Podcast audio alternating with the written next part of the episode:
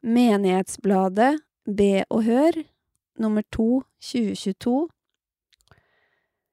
Bladet er utgitt av Vardal, Bråstad, Hund, Gjøvik og Engehaugen menigheter. Ansvarlig redaktør Jens Dale. Lydutgaven er tilrettelagt av KAB, Kristent arbeid blant blinde og svaksynte, og det er Hilvi S. Larsson som leser. Redaktørens hjørne Dåpskjoler og kulturhistorie I dette nummer av Be og Hør forteller vi om de fire bygdekveldene med dåpstekstiler og dåpstradisjoner som ble en stor suksess.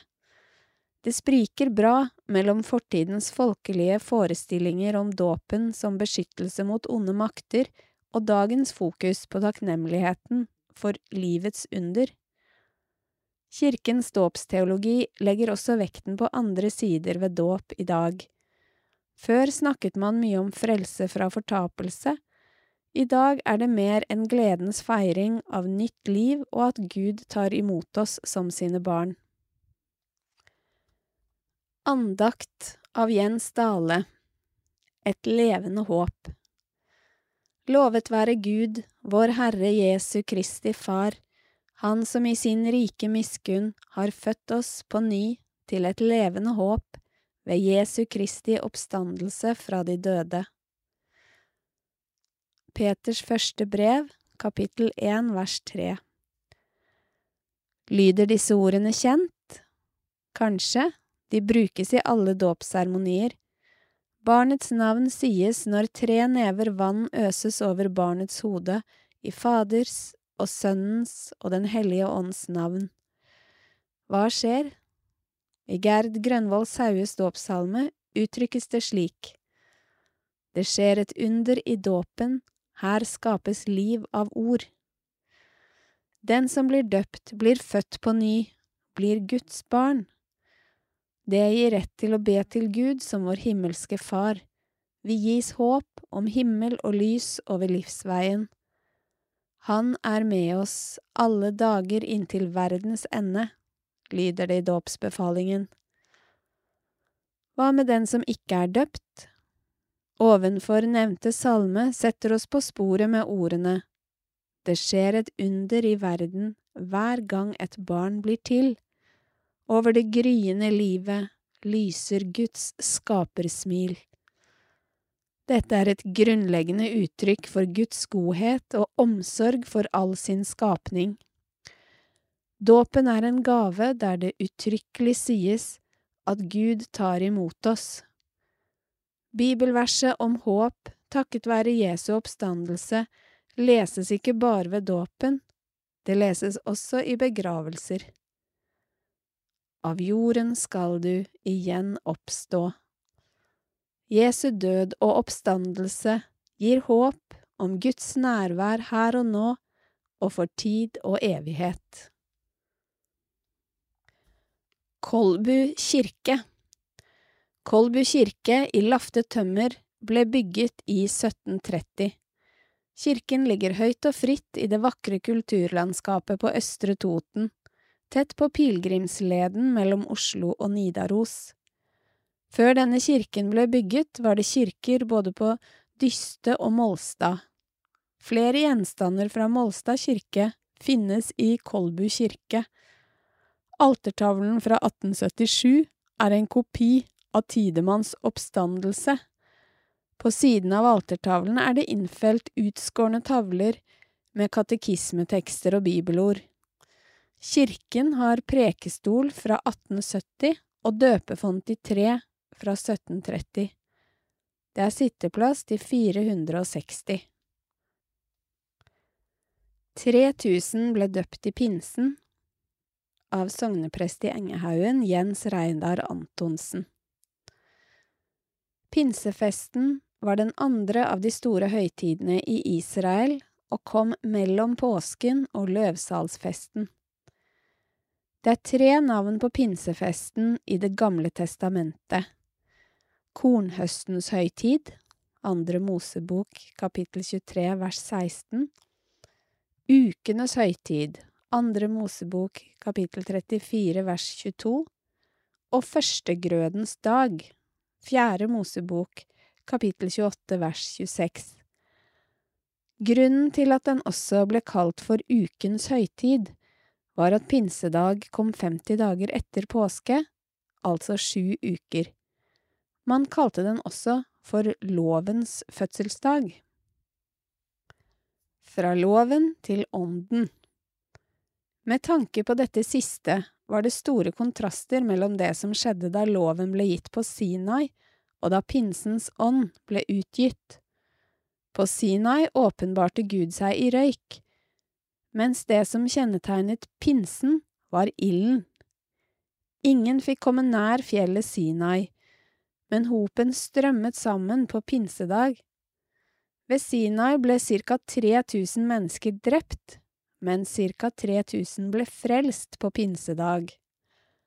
Ånden kom på pinsedag, da menigheten var samlet. Vind og vær kan man høre, men ånden kom med ildtunger som satte seg på dem, og de begynte å tale til dem på ulike språk. Peters tale pinsedag Apostelen Peter sto fram og holdt flere taler til folket.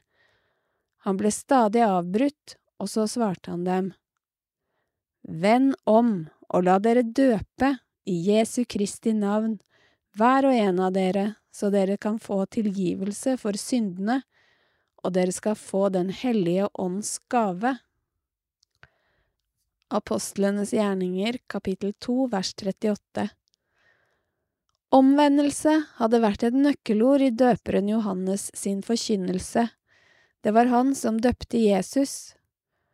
Omvendelse var også nøkkelordet i Jesus sin forkynnelse. Det betyr at man vender seg fra sine synder og til Gud.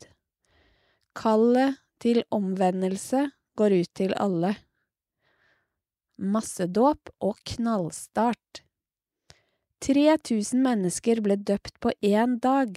Det må vi kunne kalle en knallstart for menigheten og for arbeidet med å bygge en ny kirke.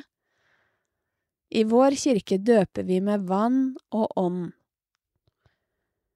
I innledningen påkaller vi Ånden å komme, slik at vannet blir et hellig vann, så døper vi i Faderens, Sønnens og Den hellige ånds navn. Tre håndfuller navn øser vi utover dåpskandidatens hode. Det er sterkt å få være med på å døpe et menneske, og for min egen del er det sterkt for meg å vite at jeg selv er døpt. Jeg fikk møte Gud i min egen dåp, og jeg vet at Han er med meg resten av mitt liv. Barokkonsert i Gjøvik kirke søndag 3. juli klokken 19. Ensemblet Nivalis Barokk gjester Gjøvik kirke. Musikerne i Nivalis Barokk er høyt utdannede spesialister på framføring av barokkmusikk på originalinstrumenter. De har turnert i inn- og utland, Sopransolist Guro Evensen Hjemli har med seg Jon Fredrik Hjemli obo, Lenka Torgersen og Våril Sofie Schormann fiolin, Andreas Torgersen bratsj, Henrikke Rynning cello og Christian Kjos cembalo. Billetter kan bestilles på hupla.no.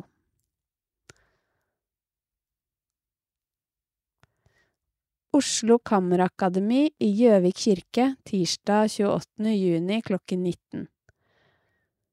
Dette er åpningskonserten for Kammerakademiets sommerkurs på Toten folkehøgskole. Verk av Mozart, Voslef og Beethoven fremføres. Oslo Kammerakademi spiller kammermusikk for blåsere med den historiske harmonibesetningen og instrumenter.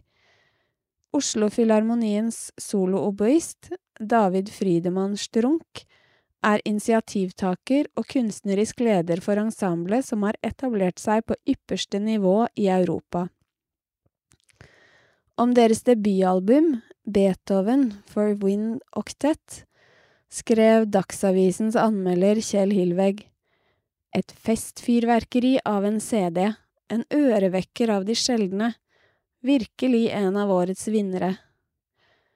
Konserten er støttet av Norsk kulturråd og Sparebankstiftelsen. Fri entré. Konsert mandag 4. juli klokken tolv i Gjøvik kirke. Elever fra Kammerakademiets sommerkurs på Toten folkehøgskole presenterer resultater av sitt arbeid under kurset. Fri entré.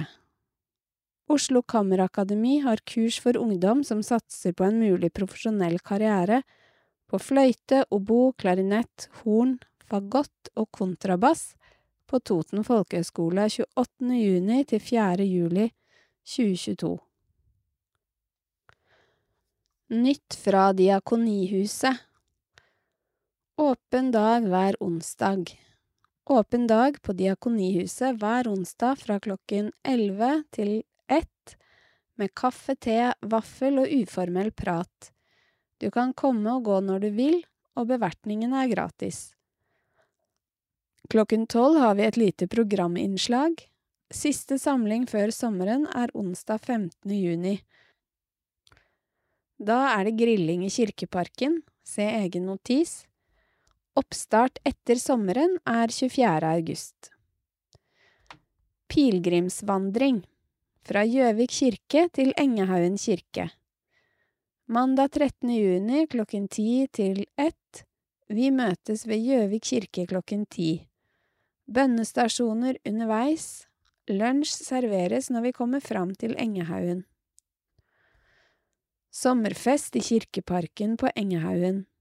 Onsdag 15. juni klokken 11 til 1. Ta med deg egen grillmat og drikke. Vi spanderer kaffe og is. Hobbygruppa Diakonihuset Kjelleren. Andre og fjerde mandag hver måned klokken seks til åtte. Siste gang før sommeren er 13. juni. Oppstart etter sommeren blir mandag 22. august. Unge voksne-gruppe på Diakonihuset. Er du interessert, kontakt Christian Sporild. Besøkstjeneste Ønsker du besøk, eller har lyst til å være besøksvenn? Jevnlige kurs for besøksvennene. Kontakt Christian. CS 928 alfakrøll kirken.no 97 66 28 24 Samtale og tursamtale ved henvendelse. Alle som ønsker samtale og kontakter oss, får tilbud om det. Vi trenger frivillige til matservering på Supertorsdag og Superuka. Ta kontakt med Kari Korslien, kk896 alfakrøllkirken.no, eller Hilde Engevold, he839 alfakrøllkirken.no om du er interessert. Konfirmantene samlet inn nesten 200 000 kroner. Den tradisjonelle dør-til-dør-aksjonen der konfirmantene samler inn penger til kirkens nødhjelp, har fått ny form. Konfirmantledere går i TV-studio i kjelleren på Hund kirke og lager en sending som overføres til de ulike kirkene i Gjøvik der konfirmanter er samlet. Det er reportasjer om hva pengene går til, blant annet å skaffe tilgang på vann der det mangler.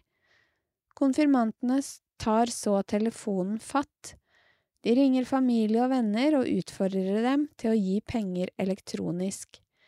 Pengesummen de får inn, avtegner seg som søylediagram på TV-skjermen. Innsamlingen får litt karakter av konkurranse de ulike menighetene imellom. Samla sum i år presser opp mot 200 000 kroner. Linn Antonsen, ny menighetssekretær, saksbehandler. Linn Antonsen, 35, er ny menighetssekretær saksbehandler for Gjøvik og Biri menighetsråd. Linn kommer fra Lillehammer, men bor nå på Moelv med mann og tre barn. Hun har vært pedagog i barnehage og fullfører nå utdannelse i bedriftsøkonomi. Byscena, Bedehuset, Musikkfolkehøgskolen Viken og Kirken min. Det siste året har det vært gjennomført Supertorsdag for de fra fjerde til sjuende klasse, og det vil vi også fortsette med. Annenhver torsdag skoleåret 2021–22 har bygget vært fylt av barn som har kommet sammen for ulike aktiviteter. Spill, lek og moro, et sted for de som har vokst ut av SFO. Fra andre halvdel av august 2022 vil Byscena bedehuset starte opp med Supertorsdag for åttende til tiende klasse. Det vil bli et kjempetilbud med alt fra middag, en mengde ulike aktiviteter, til enden på kvelden blir et sted å bare være. Eget foretak Byscena bedehuset blir i nær fremtid registrert som et eget foretak, også i fremtiden ønsker vi på Viken at Byscena bedehuset skal være et hus fylt av ulike aktiviteter, musikk, kreativitet og tilhørighet. Kjelleren, Hula og den gamle Lillesalen har vært gjennom et solid hamskifte og skal i fremtiden driftes som et studiokollektiv for tre av byens musikkprodusenter. Her vil både lokale og nasjonale artister kunne gjøre profesjonelle innspillinger i lokaliteter som møter alle krav fra dagens musikkbransje. Rekordår På Musikkfolkehøgskolen Viken er nok et folkehøgskoleår kommet til veis ende. Og Musikkfolkehøgskolen ser tilbake på et fantastisk skoleår, på tross av pandemien, med historisk rekordhøyt elevtall. De kommende månedene står sommerutleie på programmet, med arrangementer fra fjorårstreff for tidligere elever til sommerkurs for Norges Musikkorpsforbund og Musikkverkstedet i regi av Akta. Svein Ruud og Martin Rosenhoff. Bønnegruppa i Engehaugen, 25 år. Av Hilde Kristin Jarlvang i hele 25 år har bønnegruppa i Engehaugen kirke eksistert. Bjørn Erik Fjæringen har vært med fra starten av, og han er fortsatt med. Det har skjedd mye, sier han, og tenker på hvor han skal begynne. Bjørn Erik hadde en periode hvor han var veldig syk og trodde han skulle dø. Da ropte jeg etter Gud av all kraft, forteller han. Bjørn Erik opplevde å få et mektig svar. Ikke lenge etter, i et selskap med gode venner, ble bønnegruppa opprettet. Det er helt utrolig at det har gått 25 år. Vi har fått mange små og store bønnesvar gjennom tidene, blant annet at folk er blitt helbredet. Ja, hva ber dere om? Vi ber blant annet om at folk skal bli helbredet. Vi løfter frem bønneemner som folk vil vi skal be for, og for byen vår. Hvor mange medlemmer har dere hatt opp gjennom årene? Det vet jeg ikke helt, men mange har vært innom. Ei sånn gruppe kan ikke bli for stor siden det kan flyte ut. I tillegg har vi vært nøye på tiden. Det varer én time. Bjørn Erik forteller videre om hvor lett det er å bli bekymret og ikke klare å hvile. Selv sier han at nøkkelen til livet er tilgivelse. Mange tror at det å tilgi er å gjøre godt mot den du tilgir, men det er også å gjøre godt mot deg selv. Det er bare deg selv det går utover, med bitterhet og bekymring om du ikke tilgir. Bekymringene våre kan vi legge på Jesus. Kast alle bekymringer på meg, sier Jesus. Vi må slutte å bekymre oss.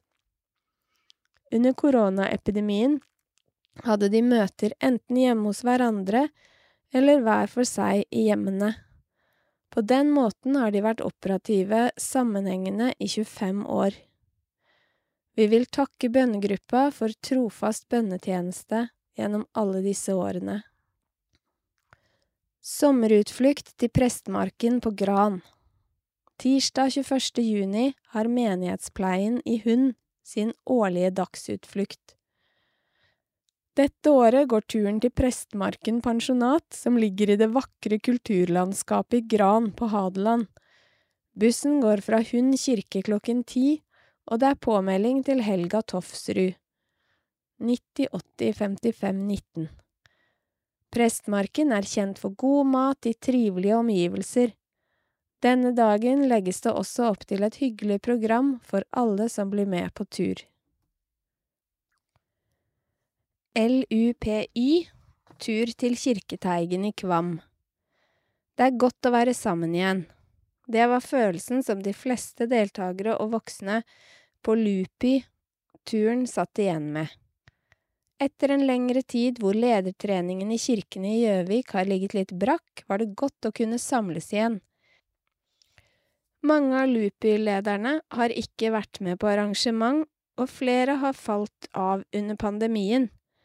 Å bygge lederfellesskap i Lupi var hovedmålet med turen til Kvam. Avreisen var fredag 29. april, og vi reiste hjem igjen 1. mai. Vi fikk jobbet mye med både konfirmantdag og konfirmantleir på Tomb i august. Maten var utmerket, og alle koste seg med både paintball, gudstjeneste i Kvam kirke og en tur i svømmehallen. Utstillingen Dåp før og nå ble en stor suksess. Hvem hadde trodd at en utstilling med dåpskjoler og lokale dåpstradisjoner skulle vekke så stor interesse? Men på Hund, i Vardal, Snertingdal og Biri var det fulle hus. Mange hadde tatt med seg familiens gamle dåpskjoler, og de ble vist fram med glede og stolthet. Flere av kjolene hadde broderte navn med alle i slekta som var døpt i kjolen. I Vardal kom de med over 40 dåpskjoler. Flott samarbeid. Det var Den norske kirke, Mjøsmuseet og Vardal, Snertingdal og Biri bygdekvinnelag som arrangerte disse fire bygdekveldene sammen. Foruten selve utstillingen besto programmet av fortellinger fra lokalmiljøet, allsang med dåpssalmer og kveldssanger, historier knytta til dåp og småbarnsliv på bygda og i byen. Mye interessant stoff i både tekstiler og ord. Mjøsmuseet ønsker i forbindelse med arrangementene å foreta en registrering av eldre dåpskjoler, dåpsluer og andre tekstiler benyttet i dåp. Fikk du ikke med deg utstillingen? Fortvil ikke. Montrene vil bli med, de eldste kjolene og luene vil bli stående i sommeråpen Gjøvik kirke hele juli. Dåpsplagg gjennom tidene De første kjolene vi har er forholdsvis smale, men fra midten av 1800-tallet ble det større vidde i skjørtet, noe som også gjaldt kvinnekjolene.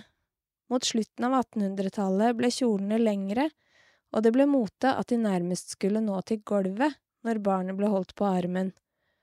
Både dåpskjoler i fargerike silkestoffer og de hvite dåpskjolene var gjerne omsøm av brudekjoler eller andre stasplagg. Mot slutten av 1800-tallet forsvant de fargerike dåpskjolene til fordel for den hvite moten. Engelsk broderi, blonder, sydde legg og rysjer ble høyeste mote. Etterkrigsåra bød på nye trender, med både heklede og strikkede dåpskjoler. Dåpsplaggene på 1700-tallet var gjerne vatterte dåpsposer i fargerike silkestoffer. Helt på slutten av 1700-tallet kom moten med å sy i ermer, og dermed gikk plagget fra å være en pose til å bli en kjole. Likevel holdt posene seg på moten et stykke utover 1800-tallet, som et ekstra beskyttelseslag utenpå en tynnere kjole. Dåpsluene før i tida var gjerne sydd i fargerike stoffer, og det som skilte gutteluene fra jenteluene, var fasongen, ikke fargen slik det gjerne er i dag. Gutteluene var sydd sammen av fem stoffstykker, mens jentenes var sydd av tre og fikk dermed en annen fasong. Kilde Klesskikk i grevskapene den fargerike dåpskjolen fra Hund. I 2014 fikk Mjøsmuseet en rekke gjenstander i gave fra Hund-etterkommer Jens Christian Kolberg. En av gjenstandene man fikk, var en rød dåpskjole i eksklusiv silke. Den stammet fra storgården Hund. Kjolen er todelt i trøye og dåpssveip. Fòret er av tykt bomullsstoff med trygt 1700-talls blomstermønster. Silkestoffet er stormønstret med blomster, blader og drueklaser i damaskveving. Hvor gammel? Men hvor gammel var kjolen, og hvor kom den fra? Lokalhistoriker Lissi Nordland gikk til kildene og fant en registrering av alle silkeplagg i Vardal fra 1787. Bakgrunnen for registreringa er at det på slutten av 1700-tallet ble innført en rekke lover og regler som forbød luksus. Kongen ville at bøndene skulle spare penger og betale skatt, ikke bruke de på dyre silkestoffer og store selskaper. Derfor ble det innført kjøpestopp på silkestoffer, mens de silkeplaggene man allerede hadde, måtte stemples av lensmannen for å kunne brukes videre. Og hva fantes i registeret? Den 6. mars 1787 ble Kari Kristoffersdatter Hund sin rød silke damaskus kåbe registrert og stemplet. Populært med silke. I siste halvdel av 1700-tallet var det populært med karminrøde, storblomstrede silkekeper fòret med trygt, storblomstret bomullsstoff. Dette stemmer godt med stoffene i dåpskjolen og med stor sannsynlighet stammer de fra Kari Kristofferdatter Hund sin silkekep. Kepen ble enten sydd om til dåpskjole da Kari fikk sitt yngste barn, Even Jensen Hund, i 1794, eller kanskje aller helst til hennes barnebarn, Kari Jakobsdatter Hund, i 1820. Farmor Kari var fadder og fikk barnebarnet oppkalt etter seg, og en kan tenke at det var en gyllen anledning til å sy om den 40 år gamle kepen til en nydelig dåpskjole. Barsel, spedbarnsstell og dåp i gamle Vardal Da en ny unge kom til verden, var det mange skikker og råd en måtte forholde seg til i det gamle bondesamfunnet. Både barselkona og ungen skulle ha feit mat den første tida da kom det grautkjerringer med smør eller fløtegraut i malte og utskårne grautspann. Særlig for barna var den feite grauten bra. Den skulle rense tarmene og gjøre de mjuke, mente folk. Før barnet var døpt, måtte en passe på at barnet ikke ble byttet ut av de underjordiske med en bytting. For å beskytte ble barna vasket med vann, som var vigslet med ild ved å slippe ei glo oppi. Ei sølvspenne, helst arvegods, skulle sitte i skjorta. Bøvergjel, et stoff fra beverens kjertel, som luktet stramt, kunne has i en pose og henge rundt halsen på barnet. Eller en kunne klippe ut et salmevers fra salmeboka og sy de inn i barneklærne. Reisa fra hjemmet til dåpen i kirka kunne være både lang og farlig. Siden barnet skulle være så ungt som mulig, måtte det pakkes godt inn, og gjerne bære arvesølv for å beskytte seg mot onde makter. Dåpsklærne var kostbare, og ofte lånte man kjole. Kjolene var ofte hvite, med kunstsøm og kniplinger, mens lua som regel var fargeglad og gjerne sydd av mønstret silke. Kilde Vardal bygdebok Først bryllup, så barnedåp. 26. september 1970 skulle Laila Strand Nilsen stå brud i Bråstad kirke. I forveien hadde hun kjøpt en lang, hvit brudekjole av sin kollega M. Dalskås, som selv hadde giftet seg i kjolen. Etter hvert kom Laila og Erlings første barn. Brudekjolen hadde hun ikke lenger bruk for, og skjebnen ble som for mange andre brudekjoler, den ble til en vakker dåpskjole. Laila har selv stått for sømmen, og kjolen har blitt brukt av mange, ikke minst av deres to barn og fire barnebarn. Alle Lailas etterkommeres navn er brodert på kjolen, og for å minnes plaggets forhistorie har Laila brodert hennes og mannen Erling sitt navn og deres bryllupsdato, samt sydd inn en liten bit av brudesløret. Til kjolen hører en liten sølvnål som Laila selv fikk i dåpsgave i 1947. Hvorfor dåpskjole også til gutter? For mange menn er dette den eneste dagen de har hatt kjole på. Hvorfor?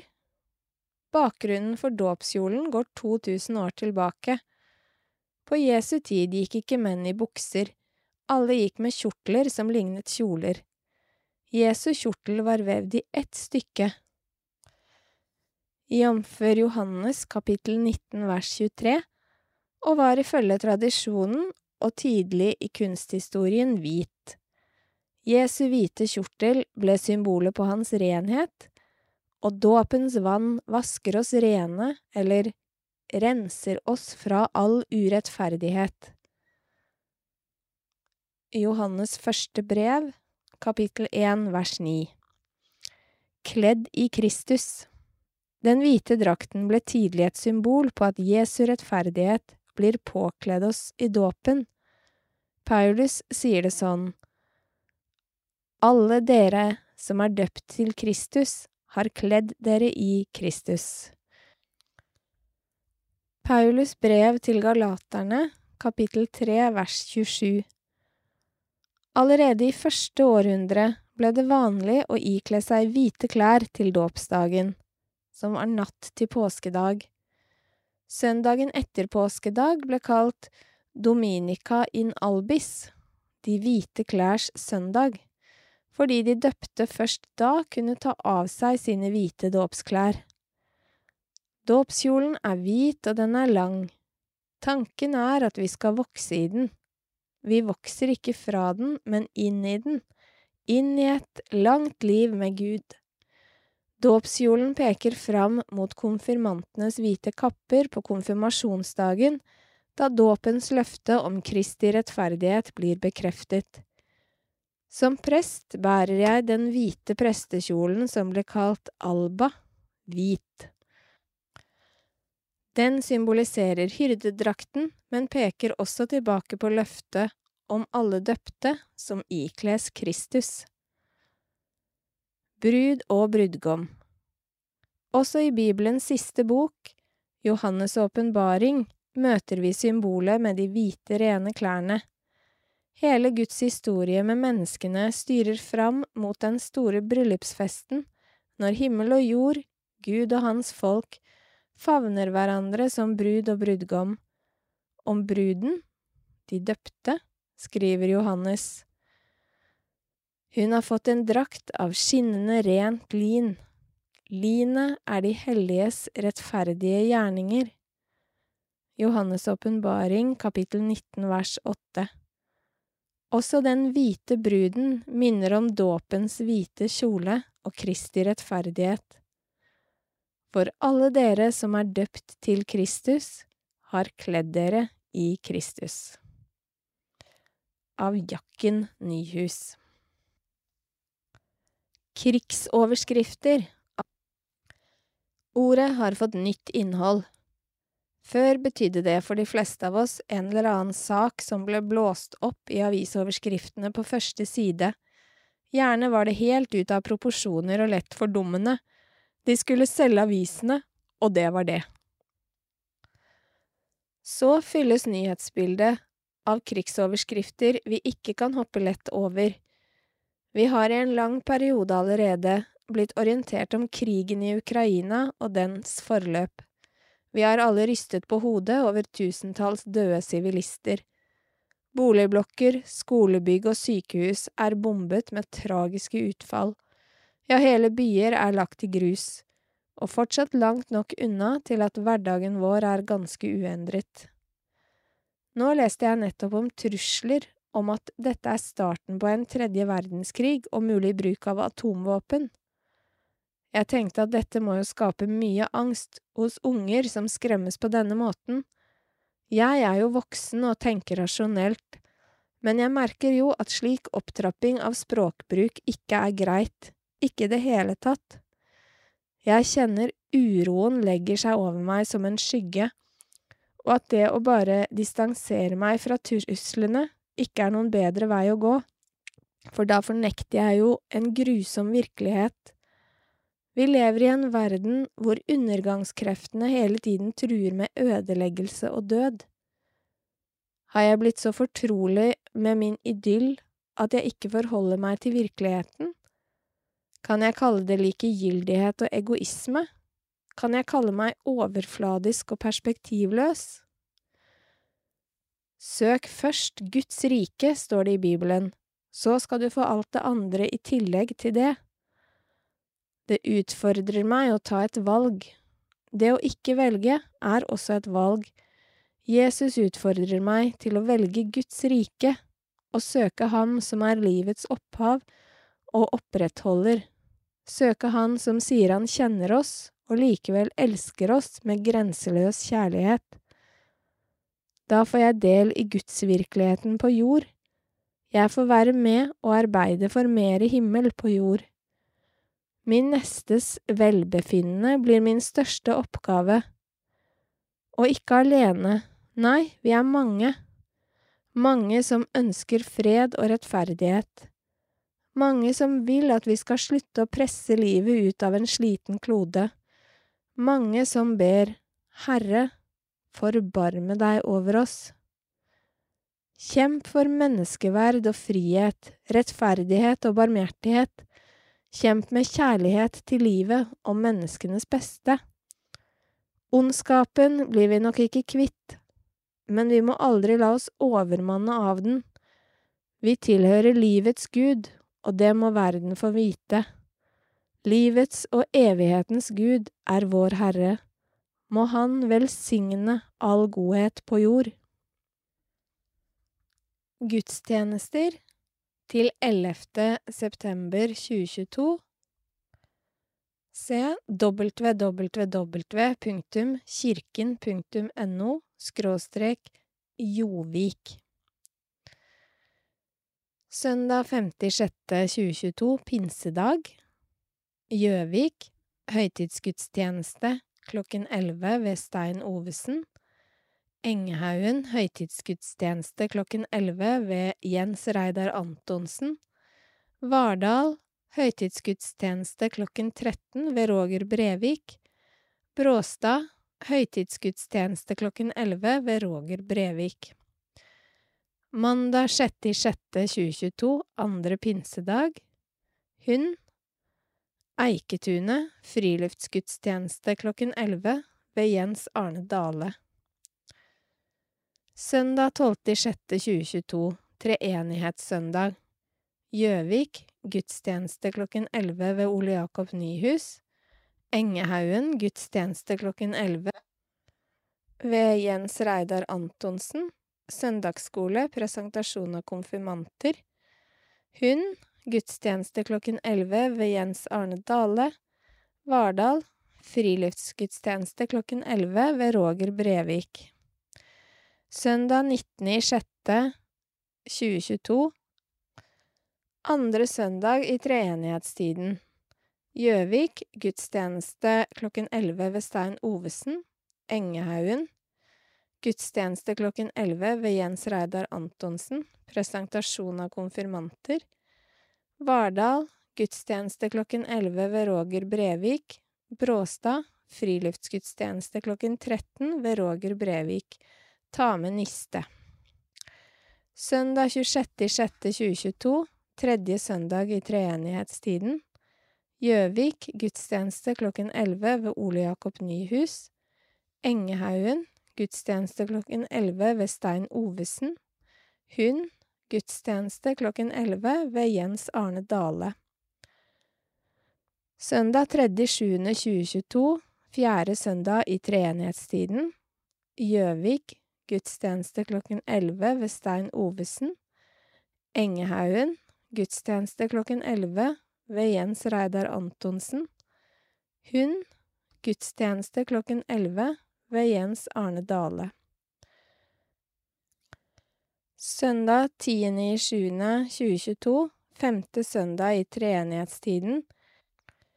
Gjøvik Gudstjeneste klokken 11 ved Stein Ovesen. Engehaugen gudstjeneste klokken 11 ved Jens Reidar Antonsen. Søndag 17.07.2022, sjette søndag i treenighetstiden. Gjøvik gudstjeneste klokken 11 ved Stein Ovesen. Engehaugen gudstjeneste klokken 11 ved Jens Reidar Antonsen. Hund gudstjeneste klokken 11 ved Jens Arne Dale. Søndag 24.07.2022, sjuende søndag i treenighetstiden. Gjøvik gudstjeneste klokken 11 ved Stein Ovesen. Engehaugen gudstjeneste klokken 11 ved Jens Reidar Antonsen. Søndag 31.07.2022, åttende søndag i treenighetstiden. Gjøvik gudstjeneste klokken 11 ved Ole Jakob Nyhus. Engehaugen gudstjeneste klokken 11 ved Stein Ovesen. Bråstad gudstjeneste klokken 11 ved Roger Brevik. Søndag 7.8.2022, niende søndag i treenighetstiden. Gjøvik gudstjeneste klokken 11 ved Ole Jakob Nyhus. Engehaugen gudstjeneste klokken 18 ved Berit Rinde. Søndag 14.08.2022, tiende søndag i treenighetstiden. Gjøvik gudstjeneste klokken 13 ved Hanne Mosgård Skjesol. Hun, gudstjeneste klokken 11 ved Jens Arne Dale. Vardal gudstjeneste klokken 11 ved Roger Brevik. Søndag 21.8.2022, ellevte søndag i treenighetstiden. Gjøvik Gjøvik gård Friluftsgudstjeneste klokken 11 ved Dale Antonsen og Nyhus. Bylivsdagene. Vardal Ung messe, konfirmantmesse klokken 11 ved Roger Brevik. Bråstad konfirmantmesse klokken 17 ved Roger Brevik. Søndag 28.08.2022, tolvte søndag i treenighetstiden. Gjøvik gudstjeneste klokken 11 ved Ole Jakob Nyhus. Konfirmanter og Viken folkehøgskole. Engehaugen konfirmantmesse klokken 11 ved Jens Reidar Antonsen. Hund gudstjeneste klokken 19 ved Jens Arne Dale. Samtalegudstjeneste for konfirmantene. Lørdag 3.9.2022 konfirmasjonsgudstjeneste klokken 11 og klokken 13 ved Ole Jakob Nyhus. Søndag 4.9.2022, trettende søndag i treenighetstiden. Gjøvik konfirmasjonsgudstjeneste klokken 11 ved Ole Jakob Nyhus. Engehaugen gudstjeneste klokken 11 ved Jens Reidar Antonsen. Hund gudstjeneste klokken 11 ved Jens Arne Dale, fireårsbok, høsttakkefest. Bråstad konfirmasjonsgudstjeneste klokken 11 ved Roger Brevik. Lørdag 10.09.2022 Hun konfirmasjonsgudstjeneste klokken 10, 12 og 14 ved Jens Arne Dale og Karsten Torp. Søndag 11.9.2022 Vingårdssøndagen. Gjøvik gudstjeneste klokken 11 ved Ole Jakob Nyhus. Engehaugen gudstjeneste klokken 11 ved Stein Ovesen. Hund konfirmasjonsgudstjeneste klokken 11 ved Jens Arne Dale og Karsten Torp. Tilgitt av Kristine T.G. Hardeberg. Hun er fotograf, reiseleder og forfatter av romanen De uskyldige. Hun holder forelesninger om kunsthistorie, både fysisk og på nettet. Kristine er katolikk og bor på Tonjordet. Tilgitt. Dette bildet er malt av Rembrandt mot slutten av hans liv på 1660-tallet. På denne tiden var bildene hans blitt mer og mer personlige, mer inderlige, og akkurat dette bildet har en dyp kjerne av sorg, smerte og inderlig kjærlighet. Du kjenner kanskje fortellingen om den fortapte sønn? Fortellingen handler om en far som hadde to sønner. En dag ba den yngste om å få sin del av arven, de pengene han uansett skulle få når faren døde. Faren lot ham få pengene, og sønnen dro av gårde til et land langt vekk, hvor han levde det vi kan kalle et utsvevende liv og sløste bort pengene på dårlige valg. Til slutt var alle pengene oppbrukt, han sultet, og han levde i den største elendighet. Så var det som om han våknet midt i alt det vonde og tenkte på hvor fint det tross alt hadde vært hjemme. Han bestemte seg da for å reise tilbake dit og etter lang tid så han barndomshjemmet i det fjerne. Han var skitten, fillete og trolig syk, og han skammet seg. Faren hadde sett ham på lang avstand og løp ham i møte. Jeg fortjener ikke lenger å være din sønn, sa den unge mannen. Men kan jeg ikke få være som en av dine tjenere? Men faren omfavnet ham, lykkelig over å ha gutten sin tilbake, og han sørget for at han fikk rene klær, god mat og en seng å sove i. Senere holdt han en stor fest for å feire at yngstesønnen var kommet hjem igjen. Ingen fordømmelse, bare uforbeholden kjærlighet. Legg merke til storebroren. Han står på høyre side i bildet og ser slett ikke blid ut. Han var sint fordi faren tok imot denne slyngelen av en lillebror for at han gjorde slik stas på ham, mens han selv, som hadde gjort alt rett, ikke fikk så mye som en liten fest. Bildet bærer kjente menneskelige følelser, og det mest rørende av alt, farens inderlige kjærlighet til sitt barn. Legg nå merke til farens hender. Jeg er sikker på at Rembrandt har malt dem helt forskjellig. Det er en mannshånd og en kvinnehånd. Hvorfor? For å minne oss på hva denne fortellingen egentlig handler om. Dette er en lignelse som Jesus fortalte, og det handler jo ikke egentlig om en far og hans to sønner, det handler om Gud, som like gjerne kan omtales som en mor. Fortellingen handler om Gud, som er lykkelig når hans barn kommer hjem igjen, samme hva vi har gjort, samme hvor langt unna Gud vi har levd våre liv er vi alltid velkommen hjem. Han venter med åpne armer, med tilgivelse og uforbeholden kjærlighet. Er det ikke vakkert? Hvis du vil se det i virkeligheten, må du reise til St. Petersburg, hvor det henger i Hermitasjemuseet. Felleskirkelig bønn og lovsang Nye grep er tatt for at kristne i Gjøvik kan møtes på tvers av menighetsgrenser. 4. mai var det nær fullt i Engehaugen kirke da et vidt spekter kristne, fra katolsk til karismatiske kirker, møttes til felles bønn og lovsang. Det ble uttrykt glede over at man kunne komme sammen på denne måten i et fellesskap som trumfer trosforskjeller. Barnas be og hør ved Sandra Marie Lund. Gåter Hvilken kopp kan du ikke drikke av? Edderkoppen.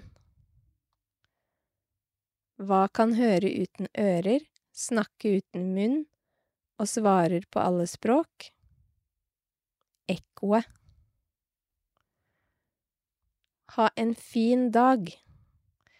Dette er dagen som Herren har gjort, la oss fryde oss og glede oss på den. Salmene, kapittel 118, vers 24 Koronaepidemien er over. Er det en tilfeldighet at fyrverkeriet i Gjøvik 17. mai ser ut som et koronavirus over byen? Kirkelig virksomhet har også vært underlagt strenge koronarestriksjoner, men nå ser det heldigvis ut til å være over. Fine fester for frivillige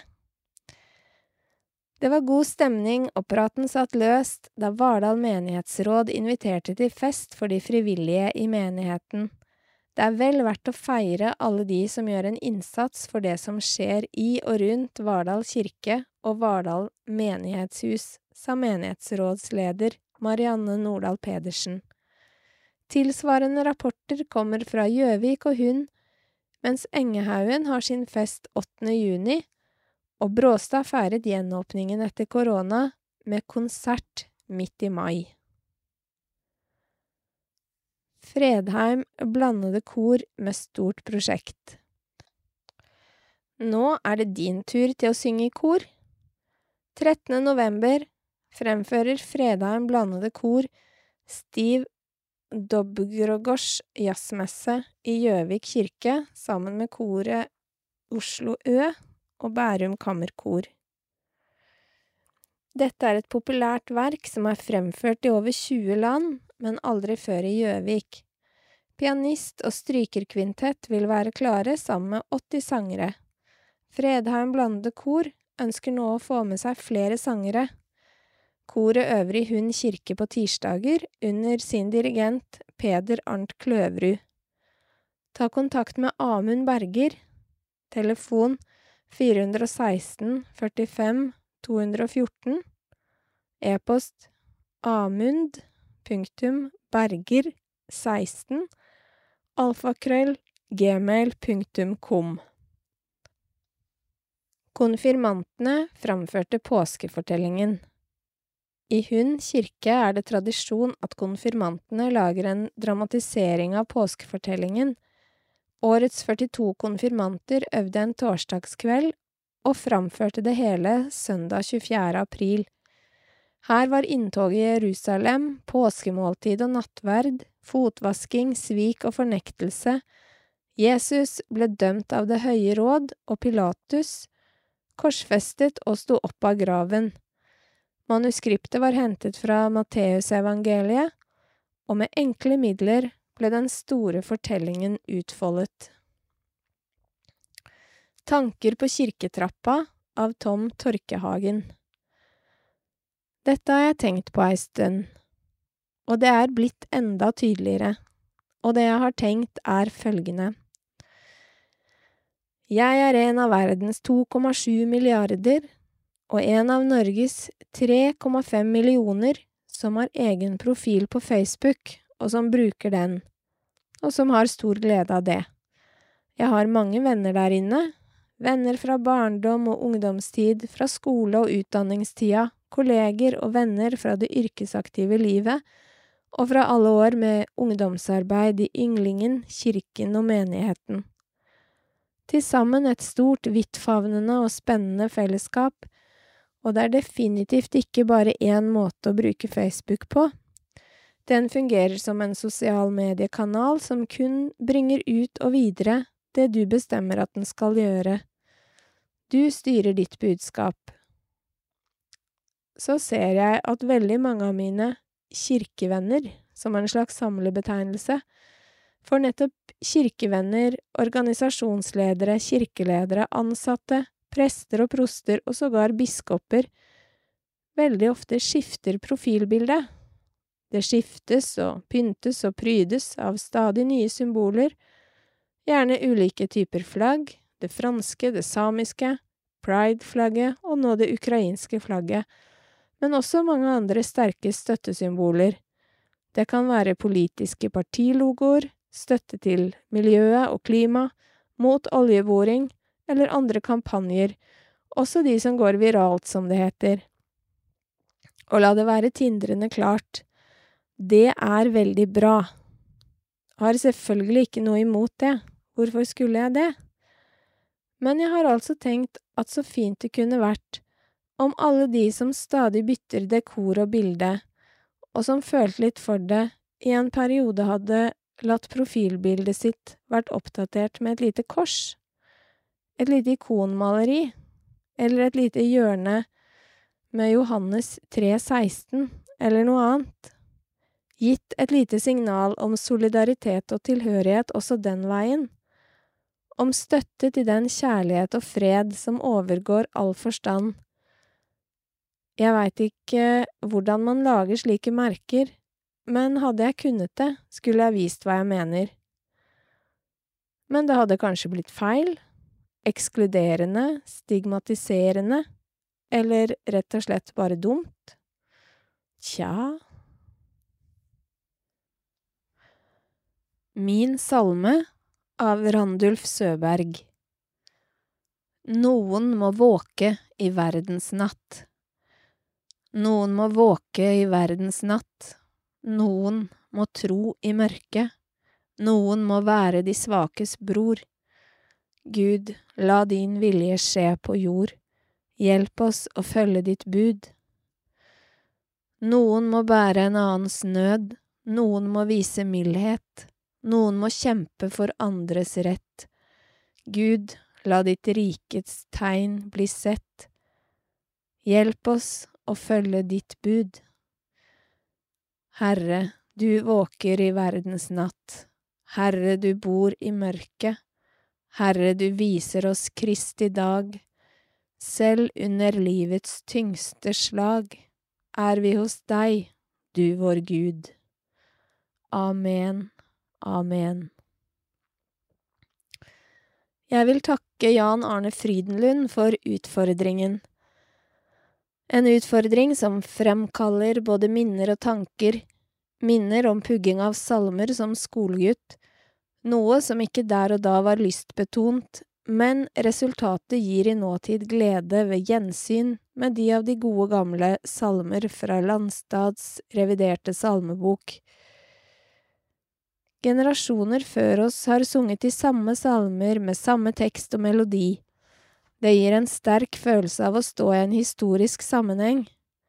Forhåpentlig vil kommende generasjoner også trøstes og gledes over de samme salmer.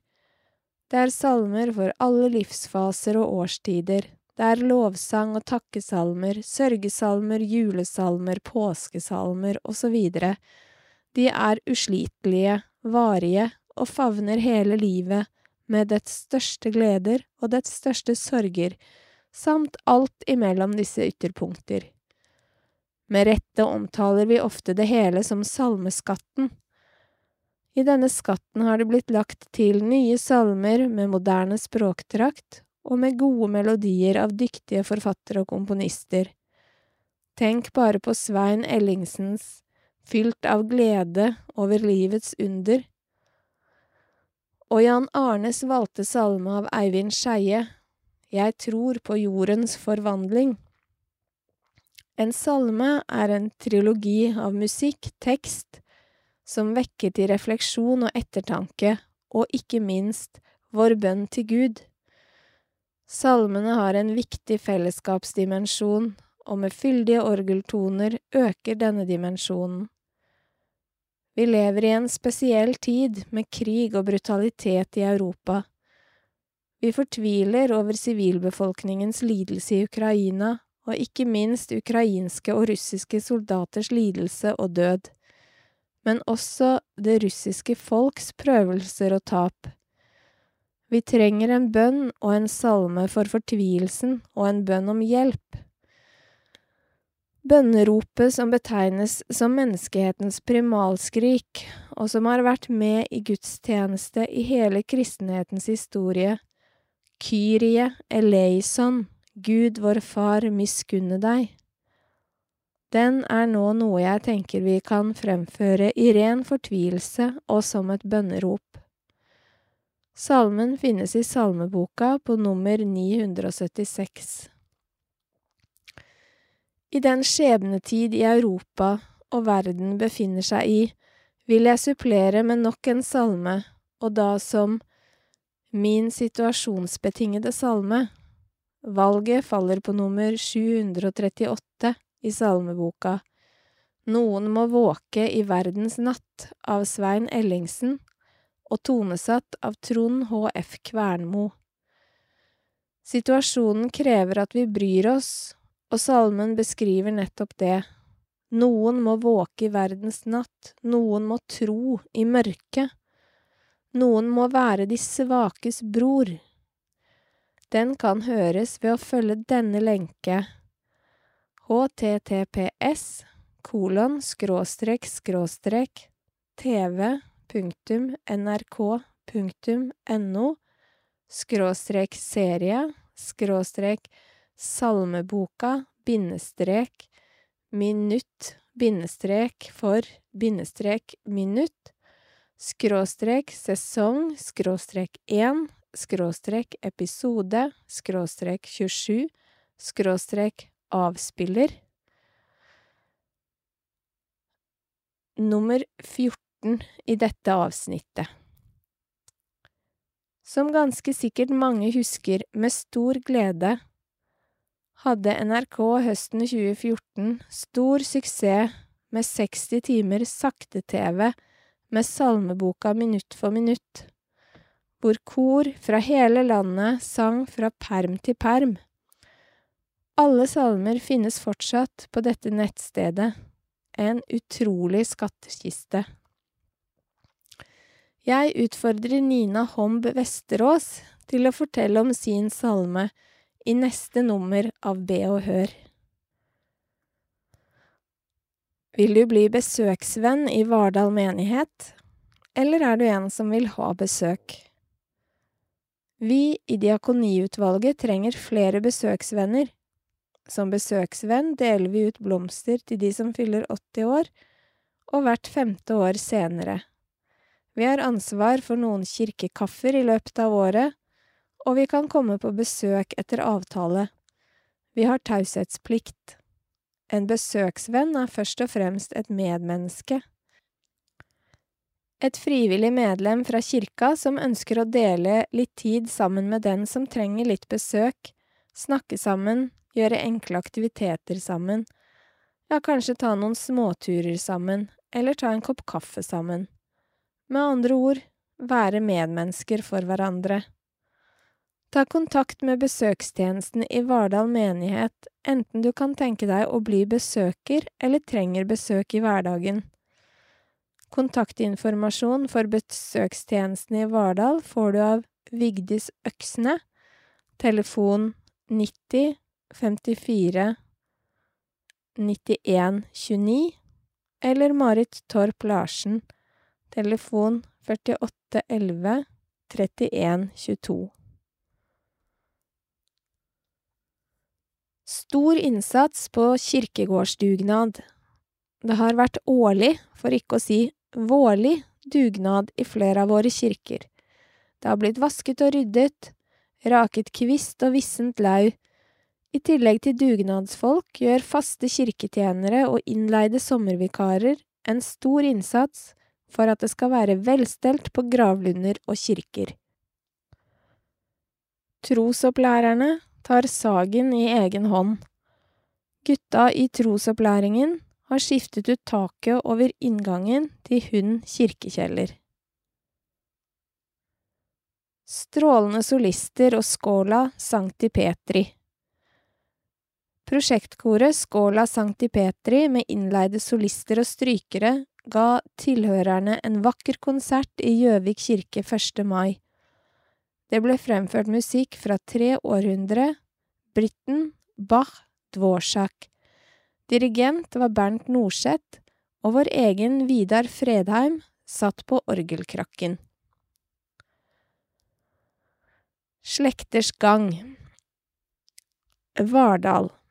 Døpte, Odin Bergum Sandberg, døde, Jan Normann Fremstad, Gerd Moen, Åge Roger Johansen, Nils Andreas Hasli, Lykke Lunde Paulsen, Anne Helene Foss, Åge Johansen. Gjøvik Døpte Jørgen Bjerke Sangnes Elly Robberstad, Matheo Torvanger Mariendal, Sofie Torkehagen Aarflot, Louise Nyhus Larsen, Louise Sogn, Marion Fjellberg Lyshaugen, Viktor Hammerseng Tuveng, døpt i Os kirke. Døde Arnlaug Synnøve Moen Wenche Lindland, Arnhild Sandli, Liv Stensrud, Astrid Wold. Engehaugen, døpte Selma Storengen Løkken, døpt i Eina kirke. Henny Heier Dybvik, døpt i Rælingen kirke. Døde Randi Helene Kåbia, Inger Karin Bredesen Veseth, Marit Nordrum, Halfrid Alice Møller, Marit Loeng, Mari Karoline Martinsen, Bent Henning Seberg, Jan Robert Undlien, Inger Severinsen, Lars Børli, Bjørg Vagnby. Hun Døpte Synne Solvold Hellerud, Elias Øversveen Hagen, Klarin Mathias Gileengen Bakkelund, døpt i Hoff kirke, Tiril Eng Solli, døpt i Ås kirke. Vigde Aina Kulterud og Jostein Augustsson. Døde Odd Arne Glommen, Synnøve Henrikka Ødegård, Borghild Kolbergsrud, Rolf Helge Hammer, Anne Margrethe Fikstvedt, Kaja Vilma Strand Haugen, Ellen Sofie Børresen, Ann Kjerstin Stensli, Elisabeth Karlsen, Kjell Roy Trogstad, Rolf Ingar Bjerkvold, Liv Olsen Bratli, Odd Vollengen, Rolf Werner Skumlien, Else Marie Håvi, Jan Erik Emilsen, Aud Karin Stavik Slåtten. Bråstad. Døde. Arve Tømmerstigen. Britt Seierstad Svenkerud. Sommerlørdag i Gjøvik kirke. 18. juni Liv Astrid Dahl sopran. Marit Tøndel Bodsberg Veide alt. Paul Wilmot orgel klaver. 25. juni Gunda Marie Brus sopran. Paul Wilmot orgelklaver. 2. juli Bjørn Magne Nyhagen trompet. Paul Wilmot orgel. 9. juli Sofia Velan klaver. 16. juli Hallgeir Skiager orgel. 23. juli Giorgio Parolini orgel. 30. juli Dong Il-shin orgel. 6. august Gunnar Flagstad klaver. Kristin Fyran Mikkelsen klaver. 13. august Kåre Nordstoga orgel. Lørdager klokken tolv. Varighet 30 minutter. Fri entré. Takk for rause bidrag til utgivelsen av Be og Hør på konto 20 50 02 93 692.